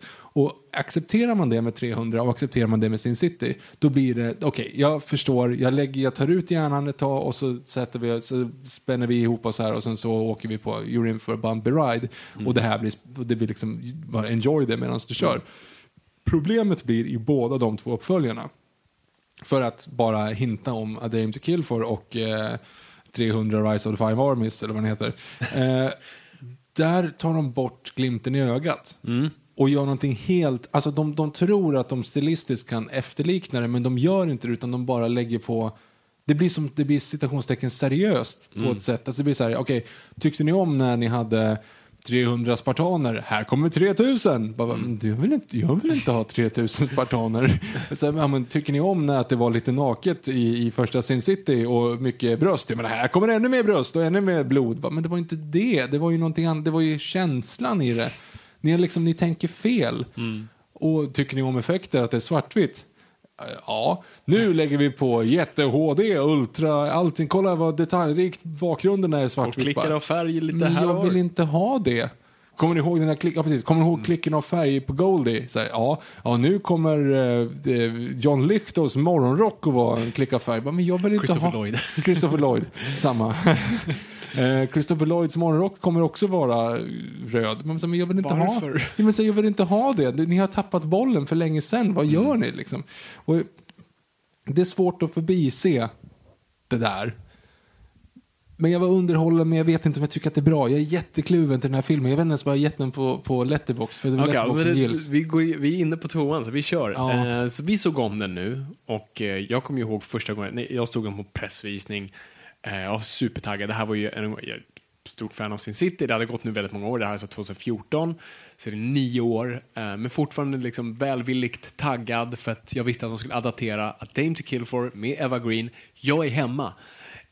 Um, sätter mig i biostolen och direkt bara så att det är någonting som är fel här. Någonting bara, mm, det är som att pianot är ostämt. Um, De gör Marv till en osympatisk karaktär. Åh, vad intressant. Ja, jo. I första, i första, första öppningsscenen gör Marv till en osympatisk karaktär. Men bara öppningsscenen en gång. Alltså, från den här första då, i första filmen då vi långsamt kommer in och vi så här, smyger oss in bara för att etablera. Så bara pang, pum, bam! Så är vi i Sin City. Och det är som att det hände igår, som vi såg första filmen igår. Det här är bara en direkt uppföljare. Um, vi, vi landar inte alls i filmen, utan vi direkt blir, alltså den trycker så hårt man bara så här, alltså slås ur den. Och uh, det känns bara fel. Och uh, du, de etablerar Mickey Rourke, då Marv som någonting annat nästan. Och därav blir det, vet jag, liksom, jag trodde jag visste vem karaktären var, men nu vet jag inte. Plus att ni etablerar honom dåligt, så jag är väldigt virrig. Ehm, och sen har du ju hela, vad är det som kommer efter det? Är det då, alltså, Yellow Bastard-uppföljaren efter det? Ja, då, då är det ju att hon... Uh, Sue Storm, Ja, just det. Ja, det, ehm, Mm. Jessica Alba. Men gud, vad heter karaktären? Nancy. Nancy. Nancy Callahan. Mm. Ja, då följer vi lite den biten. Och den också kommer in väldigt awkward och full on och man blir, uh, man blir bortstött direkt. Den, alltså, den har helt fel tempo. Det var det som slog mig nu som inte slog första gången. Jag trodde det bara var en dålig adaption, men nu handlar det verkligen om att det, det inte funkar. För att de, de har inte satt ner tempot, de har varit dåliga på det. Det är som att man märker att de har suttit med det länge, för de började skriva manuset direkt efter och man märker att det här är ett manus de har suttit med typ i tio år och så här, piffar på lite hela tiden. Och det blir lätt så, om du sitter med projekt för länge så blir det för internt för dig. Så take notice manusfattare där ute, sitt inte med någonting för länge. För då blir saker så pass internt för dig så att du sen inte bara vet vad som är vad. Och, och visst, Gordon, Joseph Gordon-Levitt-grejen är ju påhittad va? Den är inte Precis, baserad den på delen, någonting. nej den är inte baserad. Alltså, och Jessica Alba. eh, Ja, men det är. Jag tänkte att det var samma, för det öppnar ju på henne när hon ska. Ehm, Yes, så Gordon Levitt och Alba eh, är påhittade för filmen. Och det är väl fine, det är Fast det är ändå att få lite... konstigt, för det finns Men- sju böcker att adaptera. Ja, precis. Jag vet inte varför, men det var tydligen Miller som ville det. Eh, och jag förstår det. Han kanske var där och var lite trött på sitt eget material och kände sig hemmablind. Men jag tror man ännu en gång hade bara suttit för mycket med det. Jag tycker inte någon av de storierna har en bra payoff eller alltså, gör någonting nytt med, med världen. Men vad, vad, jag fattar, vad är grejen med Good Luck Chuck där? Alltså han lägger ner pengar i Vi, maskiner så det här är han massa... spoilers nu bara så att ni vet, så vi kommer spoila den här filmen. Okej, vi spoilar mm. To Kill, men det är ingenting att spoila ändå. Nej, för det är liksom, fan... Ja. det är inte riktigt menat så här, åh nej, hur kommer det gå? I och med att allting nästan är flashbacks dessutom, så du vet vad som kommer hända med alla Ja, andra precis. karaktärer. Joseph Gordon-Levitt kommer in på ett kasino, lägger ner pengar i en maskin och vinner jättemycket pengar. Hela tiden. Bara, typ alla maskiner han lägger ner pengar i. Han är Han- som Domino i Deadpool 2. Mm. Jag har inte sett. Men, eh, och, och det är ju lite mysko för du vet inte om han är liksom duktig eller om han är en så här con artist, att han fejkar eller något sånt där. Han, Han är uh, Kalankas kusin. är Alexander Lukas Ja. helt enkelt. Och så tar han med sig en tjej som man inte riktigt vet vad hon har för bild i storyn heller. Och så går han in och spelar kort mot en av de här senatorerna. Vinner och sen så får han stryk för det. Och sen så är det massa Sen så byter vi ju story. Sen är det ju hela Dame to kill for. Sen kommer vi tillbaka igen va. Ja. Eh, och då gör han samma sak igen men blir skjuten. Alltså du vet såhär, jaha. Ja, det är en sån konstig story. Och det här är man märker att det här kanske hade fungerat på rutan, men i film så blir det ju här, det är här öv- översättning av media inte riktigt funkar, för det finns ingen riktigt dramaturgi till det. För en karaktär som får massa saker utan att förtjäna det, och sen blir han av med det, och sen får tillbaka det utan att förtjäna det. Du vet, så vi, det finns inga stakes alls i det, och vi bryr oss inte särskilt mycket om honom, för att vi ser inte som en karaktär vi vill liksom heja på. För att Ja, och sen så visar det sig att han är såhär, ja det är Rourkes son. Va? Va? Ja, det är visste du om det? Eller alltså visste han om det? Ja, det, precis, det sägs aldrig. Nej. Eh, Han, han verkar inte så förvånad. Nej, precis. Men inte heller så här medveten. Så att det, är- det är en konstig, konstig grej. Ehm, och sen slutar det bara helt abrupt med, ja, spoilers, han, Mm. Han- han, han blir skjuten. Och det är så, men vad fan var det här Och vad då? hände med den här tjejen då som bara var där? Var, som du brukar säga, women in refrigerators-grejen. Mm. Hon, har ingen, hon får blåsa på en tärn, eller på en, en, ett, smyck, mynt. ett mynt, smycke, tärning, jag kommer inte hittar inte ordet. Hon får blåsa på ett mynt. Och sen så blir hon halshuggen för det. Mm. Det, är, det är en jättekonstig grej. Och det, och, det, och det är här också just varför det inte funkar. För jag förstår nog, jag, eller jag kan inte säga, jag kan inte, jag kan inte läsa tankar, men jag kan tänka mig vad de tänkte. Och det är ju hela, så här, okej, och så dör han och så här är slut. Ja, men po- poängen de tänker väl, jo men han, arket är att han vann över Rourke och därför liksom så här exponerade honom. Men det gjorde han efter fem minuter i första akten Jo, också. ja, precis. och sen vann han igen som han alltid gör och sen blev han skjuten för det. Det har inte förändrats Nej, för någonting. det, det, han säger ju det så här, jag förstår, du kommer, att, du kommer straffa mig nu för att jag vann. Men alla här inne vet om att du vann, så du kommer alltid ha den liksom du kommer alltid ha mig på Mm. näthinnan. För Rourke, det är ju en spegling av att Rourke säger att, att varenda gång du har typ ont för han, Rourke skjuter ju honom i benet. Så varenda gång du har ont i benet och varenda gång du tänker på din hand så kommer du tänka på mig. Varenda gång det regnar, för att det regnar när han gjorde det här, kommer du tänka på mig. Och han liksom speglar ju det i sin sista grej där. Mm. Men och? Alltså det har ju ingenting med någonting att göra sen Nej. efteråt. Och Rourke ges ju inte för den karaktären som, som lärde sig någonting av det Nej. direkt. Nej, precis. Och det är ju inte med hjälp av det heller som han faller, utan det är ju Callahan sen. Ja, så bara... För hade det varit någonting annat, hade det varit någonting om att folk började sätta sig upp mot honom. leder till ja, det. Då hade man ju Precis. fattat att det fanns en, en funktion, för det var inte ens det. För Cara, Carahan, Ca, Callahan. Callahan, hon ser ju inte ens det här. Det är ju inte det som får henne att ramla över tröskeln och Mm. Nej, precis. Nu har bara jag sen- ett fönster in. Precis, det är ju inte det, utan det är ingenting som leder. Och det, där har du ju dessutom en jävla, det är ju en dålig en dålig upplevelse mot det, för att hon, du har ju scenen när hon står genom ett, ett hål i väggen i, när han spelar kort första Mm. Ja, gången det. och vågar inte. Men eftersom hon inte ens ser när han förlorar så finns det ju ingen logik Mm. Nej. överhuvudtaget i varför det ens är med. Mm. Ja, det är konstigt när man ändå bygger de här filmerna på att det ska vara interconnective och sånt där, att man inte gör det här. Och det är som att de bara... Äh, Jag, jag fattar inte. Och sen den grejen som är då i första filmen, då är det oftast, eller vi satt och pratade om det här innan, visst är det så att de viktiga sakerna har färg? Oftast, det, det, det är väl inte en sån här bulletproof Nej, regel, nej, men oftast men det, typ. som, det, som, är- det, det som är av värde i varje story är eh, får färg, bortsett från blodet. Så att du har Precis. då, det, Goldie är gyllen, Ja. gyllene. Du har Yellow Bastard. Ja, jo, no shit. Uh, sen vet jag inte riktigt vad som är färgat i, i Big Fat Kill. Mycket blod. Men ja, vad fan är färgat i den? Nu tänker jag att det var hennes klänning. Hans skor är oftast Hans röda. skor är röda. Men det är väl inte riktigt av värde. Nej. Men, ja, ja. Nej, men det, De finns, det finns liksom, det är ganska men det är lugnt. lite att hinta åt det hållet. Det är, det är väldigt selektivt vad som har färg och inte. Men just liksom när de, när de kommer in där på, nu var jag nära på att säga John Lithgow igen. Vad heter han? Men, Han med morgonrocken. jaha, Christopher Lloyd. Christopher Lloyds morgonrock. Varför är den färgad? Mm. Ja, alltså det är den Kort och Eva. Green, Eva Greens klänning som är färgade. Mm. Eva Green ska jag förstå. Jo men det förstår jag också, såklart. Men varför är då Lloyds det? För att Gordon Levitt älskar honom. Ja, men det, det, finns ju logik. Och men, logik. hon, hon tjejen då som sen blir halshuggen, hon är i färg. Ja, hon är också lite sån här Goldie Gyllene. Men varför är hon det? För hon har ju ingenting viktigt för storyn. Nej. Och Goldie är dessutom gyllene i den scen, i den... Och det är också säga. viktigt för att hennes tvillingsyster är aldrig gyllene. Nej, nej, nej precis. Men du Så ser det är ju också det. en smart grej. Mm. Ja, fast i tvåan nu. Mm. De, de står bredvid varandra. Ja, och då är hon gyllene. Då är hon gyllene. Ja, Det är en precis. kul liten Jo, men hint. hon är ju inte viktig Nej, i den här vet. storyn. Så då blir det ju fel. I know. Det var, jag tyckte det. Jag förstår det, du har rätt, jag har fel. Jag bara tyckte det var... Nej, jag bara, det var, men det känns som att de, så att de glömde bort det där. Ja, just det. Så är det lite fräckt. Vi, vi gör lite sån här eh, Schindler's list-grejen, att vi har lite röda detaljer. Men vad är det vi ska ha? Jo, men det är lite, någonting som är lite grann i hörnet. Så hinner man reagera. Man bara, ah, kul. Och sen bara, nej, vi vänder om och så tar vi det i det här wife-beater-linnet. Och, och, varför, har, varför har hans, jag stör mig fortfarande på det, varför är hans morgonrock färgad? Ja, nej, det, det är den Det är konstigaste. jättekonstigt. Det är jättekonstigt. Hmm. Ja, det är weird. Och sen då så är det ju den stora storyn och det är Dame to Kill Ja, for. Dame to Kill For, den vi såg fram emot. Så nu, nu har vi sett om det här. Så, så först och främst Victor, du har läst att Dame to Kill For, vad var, vad var din spontana?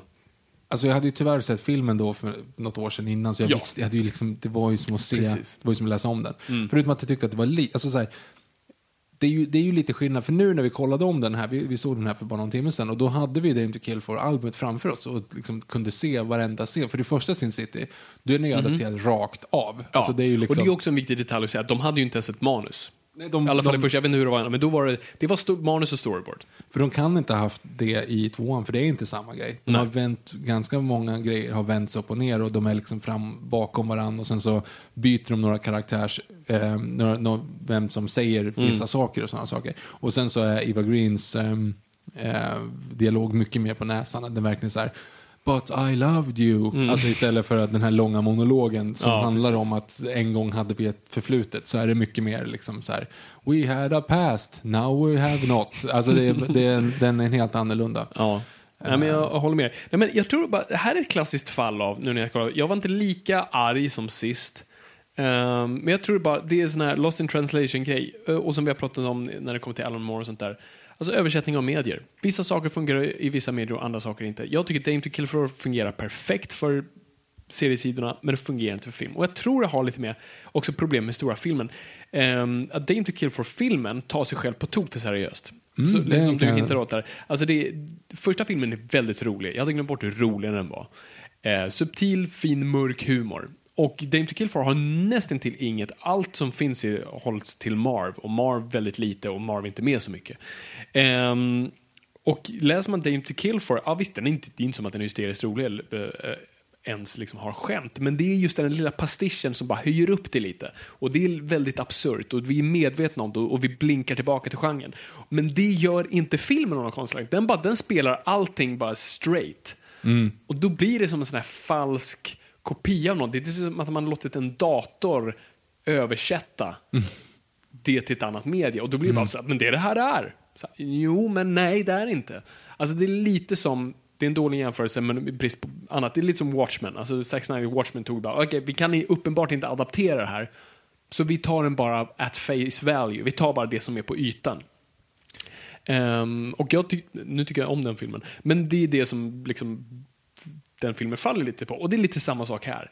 Det fungerar inte i översättningsprocessen. Och det är lite för att de, den, här, den spelas helt själv.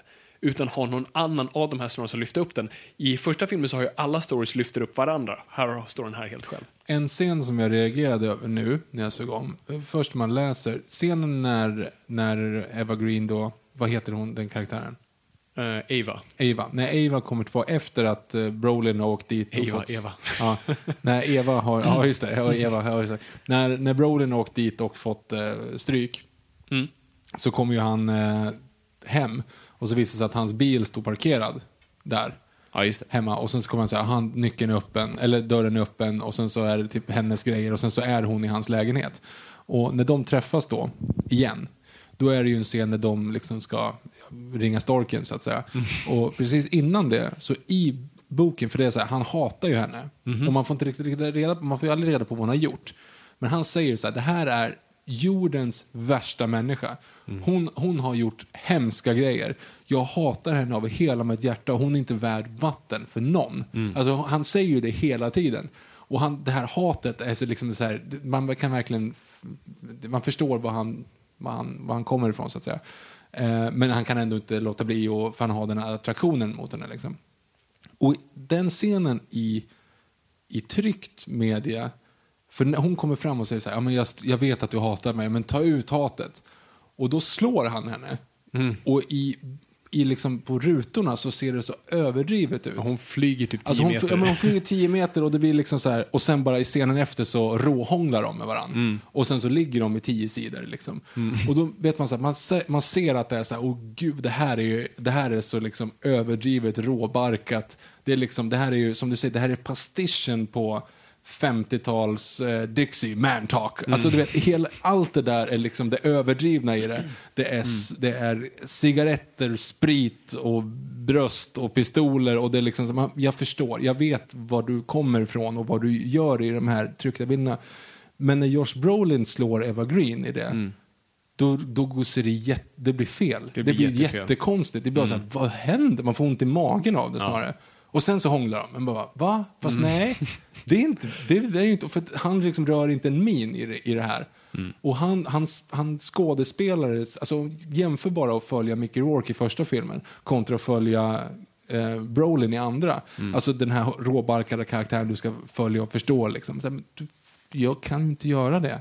Nej, och jag tror lite också för att vi aldrig riktigt får se hans svaghet 100%. För även när uh, Josh Brolins karaktär här visar svaghet, du vet när han kör av vägen där för att här, skrika ut mot staden, då är det mer som att han är butter och liksom så här, det är manlighet. Medan i boken är det mer, liksom, den här snubben gråter. Ja, ja, det och är liksom så här, Ewan förstörd. McGregor och, som håller om statyn där. Liksom. Jo, men det är lite den, så. ja, ja. Han är en ve vekling, liksom.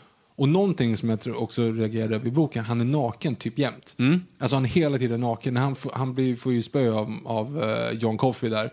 Eh, och då är han ju konstant naken. Han blir utkastad genom ett fönster, landar ute på asfalten, naken konstant. Han Mm. Ja. ligger liksom i lite fosterställning och så här. Han, det känns som att Han han, är är. Mm. totalt sårbar konstant. I filmen, då är det bara Eva Green som går omkring och naken hela tiden. För hon är fan naken hela filmen. Hon är naken hela Men han av någon anledning är påklädd. Ja, han är naken en gång kan jag komma på. Ja, när han står, ja, men det är efter den scenen, efter, Ja, han, slår, efter han slår Precis. henne. Liksom. Men det, det blir som att så här, han, han är inte det, utan han, han är något annat. Han är i en annan film. Han är inte i sin City-universumet, utan han är typ Mm. i något annat. Ja, om han är lite för hårdkokt här tror jag. Och det är lite det, fan, du, Han är hårdkokt på fel sätt. På han fel är, sätt. Ja, han är inte pastischigt hårdkokt, utan han är, han är så mycket så att han är inte så mycket så att det blir roligt, utan han, är, han spelar det för, ja, det är Josh Brolin du Ja, men har, precis. liksom. Du har liksom, det, det är ju, han hade kunnat varit en, eh, en utveckling på hans karaktär i No Country for Old Men. Typ. jo, men verkligen. Ja, men shit, ja, hela den där utläggningen, Victor, det, mm, det är precis så jag känner. Ehm, jag vet inte vad jag kan, kan tillägga på det. En, en kul de skulle väl haft, kl- för det är ju också det, det här är ju samma Dwight. Eh, Dwight heter ju karaktären i Dame to Kill For och det heter även karaktären i eh, Big Fat Kill, men de ser ju helt olika ut. Och det är ju för att i Dame to Kill For så blir Dwight helt sönderslagen. Så, och hans liv är hotat, så han plastikopererar sig. Och då ser han ut som Dwight i Big Fat Kill. Eh, så det var, man fick ju sån här, man tänkte så här, aha, så Josh Brolin ska spela Clive Owens karaktär, hur ska de lösa det? Och de skulle väl tydligen haft Clive Owen tillbaka.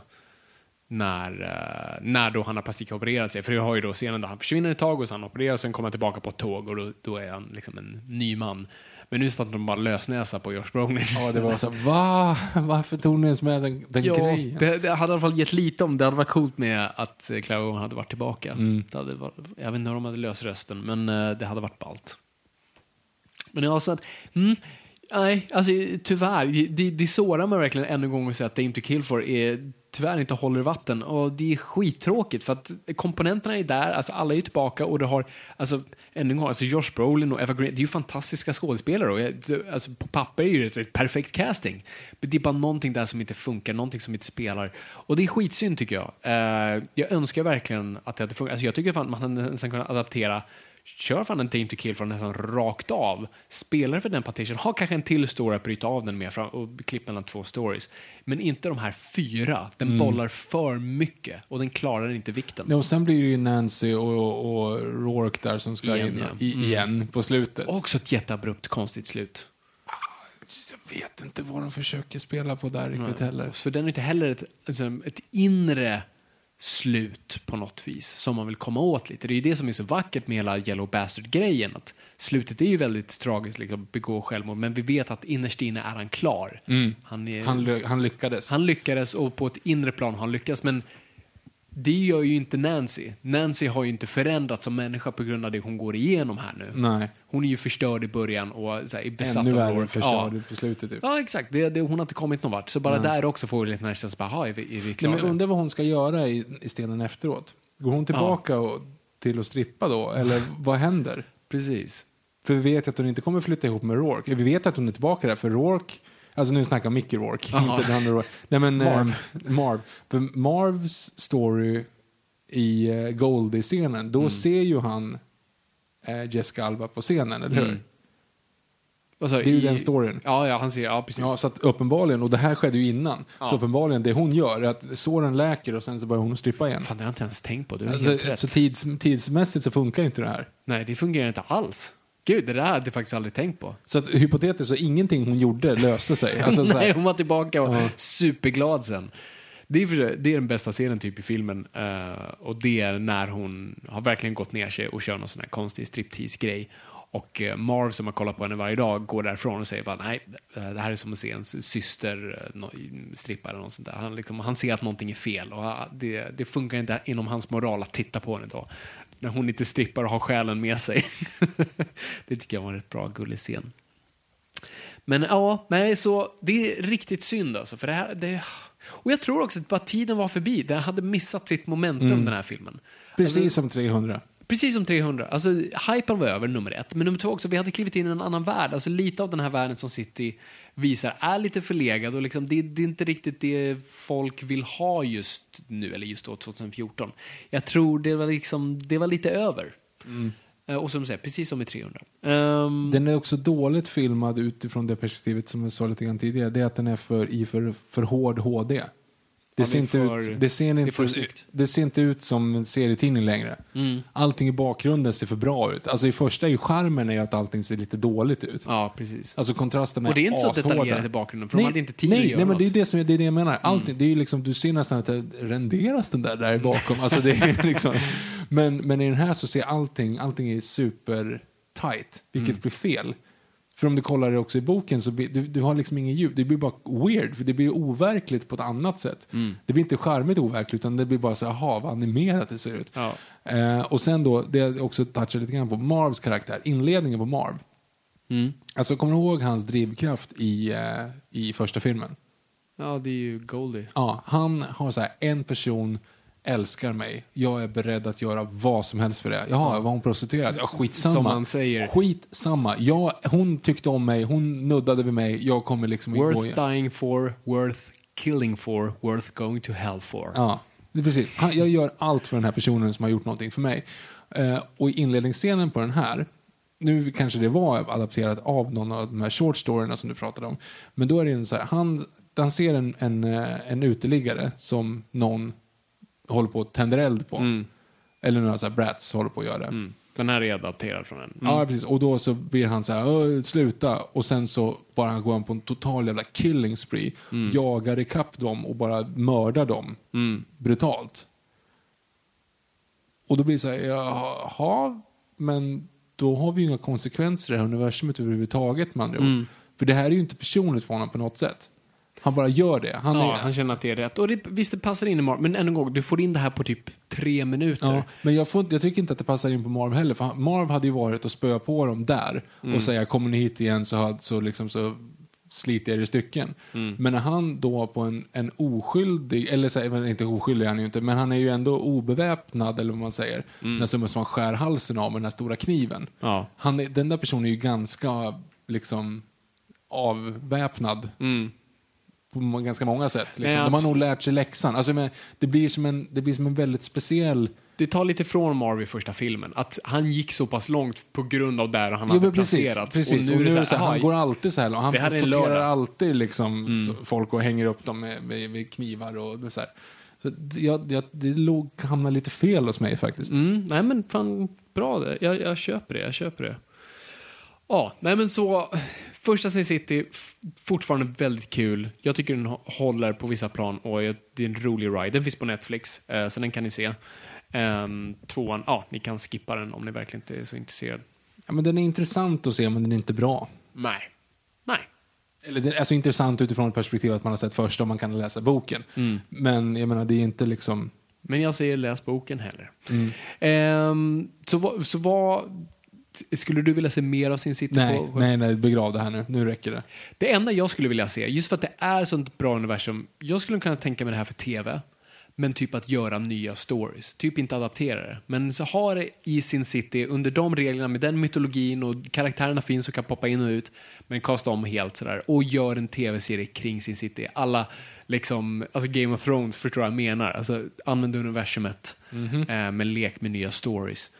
Ehm, det skulle jag vara intresserad av. Jag vill inte ha en till film, jag tycker vi, vi är klara där. Eh, vi kan lägga ner det. Men jag skulle inte ha något problem med eh, en tv-serie. Men skulle du inte i så fall vilja ha, alltså i så fall när du säger det, en tv-serie med kronologisk ordning, de sju storyna, Mm. rakt av adapterade. För de, är, de blir inte så långa. De blir ju inte som långfilmer Nej. om du adapterar bara storyn rakt av. Men sätt dem i, i kronologisk ordning istället. Så den så avslutas typ med Marvs Mhm. historia. Ja, kanske. Jag skulle nog vilja se en, liksom, en ny säsong, en ny tidsålder om man säger så. Så att du kan ha Marvy del av en story men sen, och så dör han och sen är han del av en annan. Alltså jag, jag skulle gilla det. Alltså lite så här Men- true ja. detective style av att säga, det är en helt ny story men vi är i samma värld.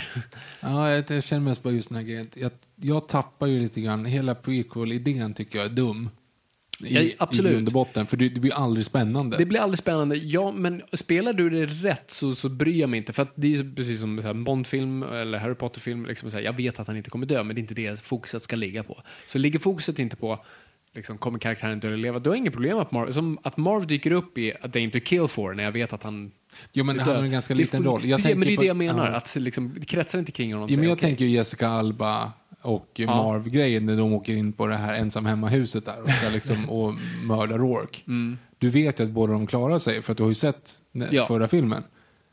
Precis, men det är, och, Och det är är för att här- den hänger på fel Jo, krok, men, så jo, att men säga. precis. Och då, är att- och då blir det så här när hon Mm. ligger där så här och, och nej, hon kommer att dö. Bara, nej, men vi vet att hon inte kommer göra det. Och vi vet att såren kommer läka. Och vi vet att allting kommer att bli bra. Mm. Alltså, det, blir, det är bara helt ointressant att hänga upp liksom tredje akten.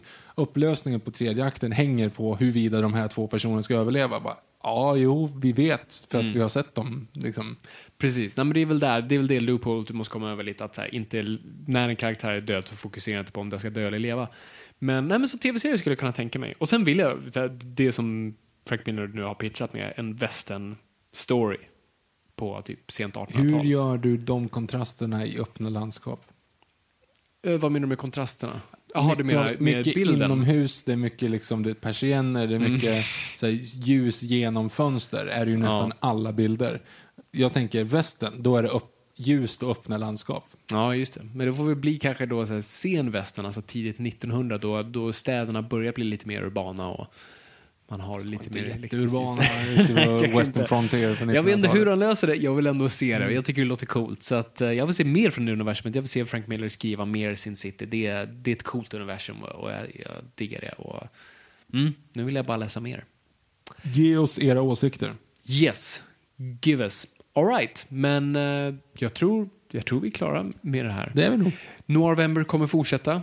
Så vi, så vi är tillbaka snart med ännu ett avsnitt. Som, som, som, och nästa avsnitt kommer vara troligtvis Jo, men det är ju det. vårt mest efterfrågade. Ja, men det är det mest efterfrågade. Ja. Det är, ni, alltså, ni som hör av er och säger när kommer det här avsnittet?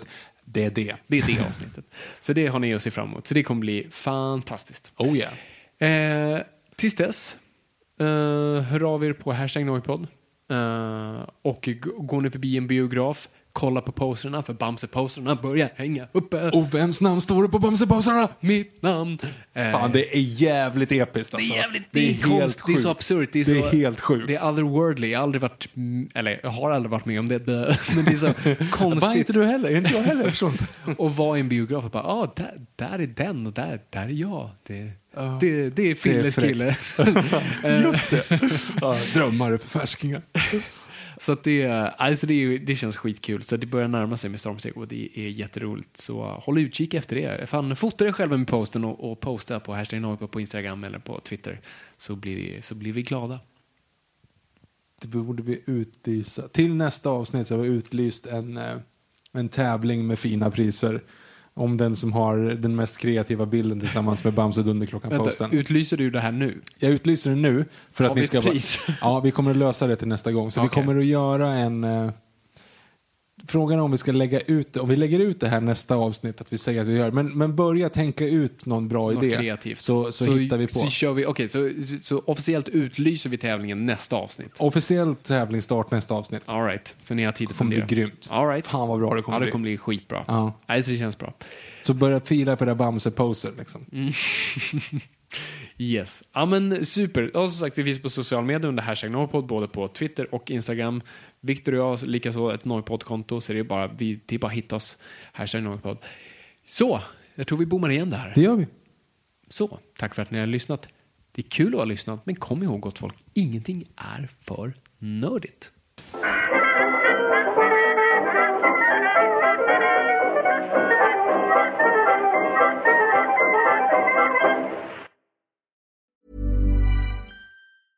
Even when we're on a budget, we still deserve nice things. Quince is a place to scoop up stunning high-end goods for 50 to 80% less than similar brands. They have buttery soft cashmere sweaters starting at $50, luxurious Italian leather bags, and so much more. Plus, Quince only works with factories that use safe, ethical, and responsible manufacturing. Get the high-end goods you'll love without the high price tag with Quince. Go to quince.com slash style for free shipping and 365-day returns. Imagine the softest sheets you've ever felt. Now imagine them getting even softer over time. That's what you'll feel with Bowl and Branch's organic cotton sheets. In a recent customer survey, 96% replied that Bowl and Branch sheets get softer with every wash. Start getting your best night's sleep in these sheets that get softer and softer for years to come. Try their sheets with a 30-night guarantee. Plus, get 15% off your first order at bowlandbranch.com. Code BUTTERY. Exclusions apply. See site for details.